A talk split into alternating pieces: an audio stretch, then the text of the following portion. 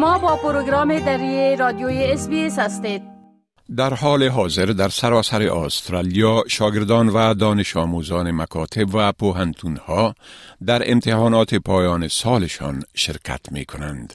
تدریس خصوصی نقش مهم را قبل از انجام این امتحانات برای بسیاری از شاگردان ایفا می کند و خصوص برای کسانی که به انگلیسی طور زبان دومشان صحبت می کنند.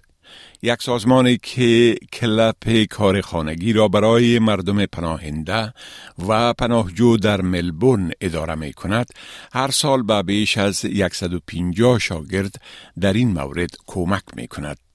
اما این سازمان به شدت تلاش می کند هزینه را برای آینده دراز مدت خود تأمین کند.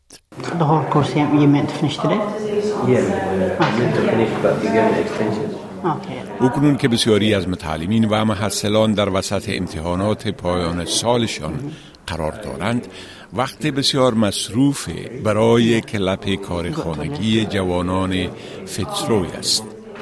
این کلپ توسط انجمن دارایی های جوان اداره می شود مدیر اجرایی آن مبارک امام می گوید که اکثر دانش آموزان به انگلیسی به حیث زبان دومشان صحبت می کنند.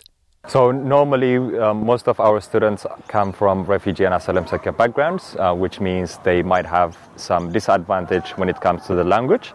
The kind of support that they receive in our homework club is language support with their assignments, uh, but also connection to the industry or the area that they're studying with as well.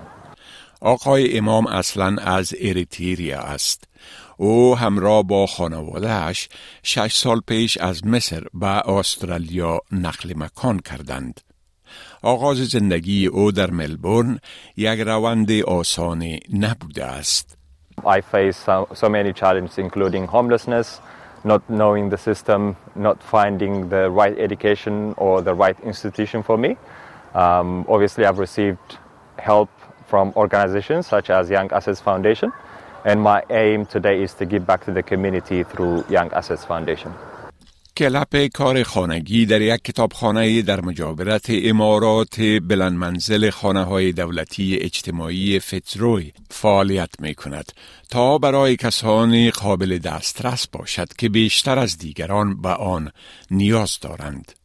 این کلب سه دهه پیش توسط سازمان Brotherhood of سنت لارنس آغاز شد و انجمن دارایی های جوان آن را ادامه داده است که به شاگردان با پیشینه پناهنده کمک می کند تا در تحصیلاتشان مشغول شوند و چنان کمک انفرادی را حاصل کنند که ممکن در سنف درسیشان آن را دریافت کرده نتوانند.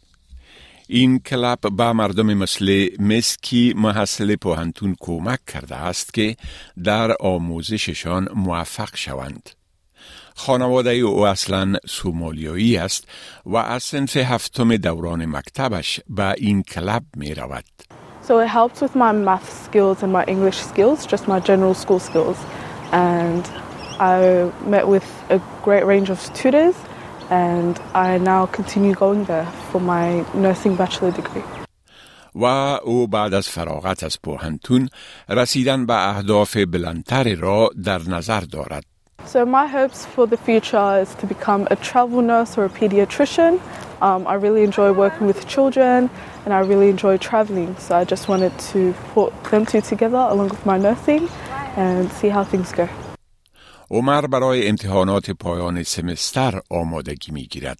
او در رشته انجینیری در پوهنتون آرمایتی تحصیل می کند و برای دریافت حمایت و همچنان به خاطر کمک کردن با شاگردان مکاتب به این کلب می رود. او می گوید به حیث یک محصل می خواهد از مربیان الهام بگیرد. Not only that, but you know, you, there's people here that have like actual jobs and occupations. So they just you as an engineer, as a doctor, there's like people who do this and that, and you just you just look up and you go, oh, what are you doing? What made you do this? And the fact that you can say so, you can ask that question to someone, they can answer it is just is is, is really it really can set you up for like what you want to do in the future. این کلاب یک ارتباط اجتماعی مهم را برای دانش آموزان و مربیانشان فراهم می کند. اما آینده این کلب چندان مطمئن نیست. اگر به زودی هزینه به دست نیاورد دانشجویان مانند مسکی و عمر باید در جای دیگر در پوهنتون کمک را جستجو کنند عمر می گوید که عدم دسترسی به کمکی که این کلب فراهم می کند برای او و عده دیگر بسیار مشکل خواهد بود. probably be a bit lost and be a little more um, more anxious about stuff. So you just because like I, I know a lot of people who have been in similar positions that I have that don't have. For example, I didn't have this. A lot of that can be doing like you just be forced to do something that you're not really that you're not really interested in, but you just like it's more because you just like for example you do stuff that um, you, you don't you don't you don't get the chance to explore your abilities. این کلب کمک های مالی کوتاه مدت را از بعضی انجمنها دریافت کرده است تا به فعالیت خود ادامه دهد. شورای شهری یارا تسهیلات خود را برایش رایگان فراهم می کند. مبارک امام تا کنون 50 هزار دلار جمعوری کرده است که این مبلغ حداقل تا اواسط سال آینده ادامه این کلب را تضمین خواهد کرد.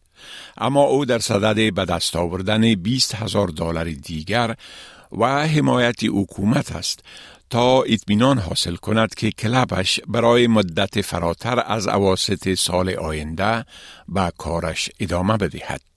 We would like to expand and make this sustainable, so we're asking for help from uh, state government or federal government or other philanthropies to keep this program going. بسیاری از مردم مرتبط به این کلب می خواهند این میراث حمایت اجتماعی سی ساله ادامه بیابد. گزارش را که شنیدید به کمک شان ویلز از SBS News تهیه شده بود. می خواهید این گونه گزارش ها را بیشتر بشنوید؟ با این گزارشات از طریق Apple Podcast، Google Podcast، Spotify و یا هر جایی که پادکاستتان را می گیرید گوش دهید.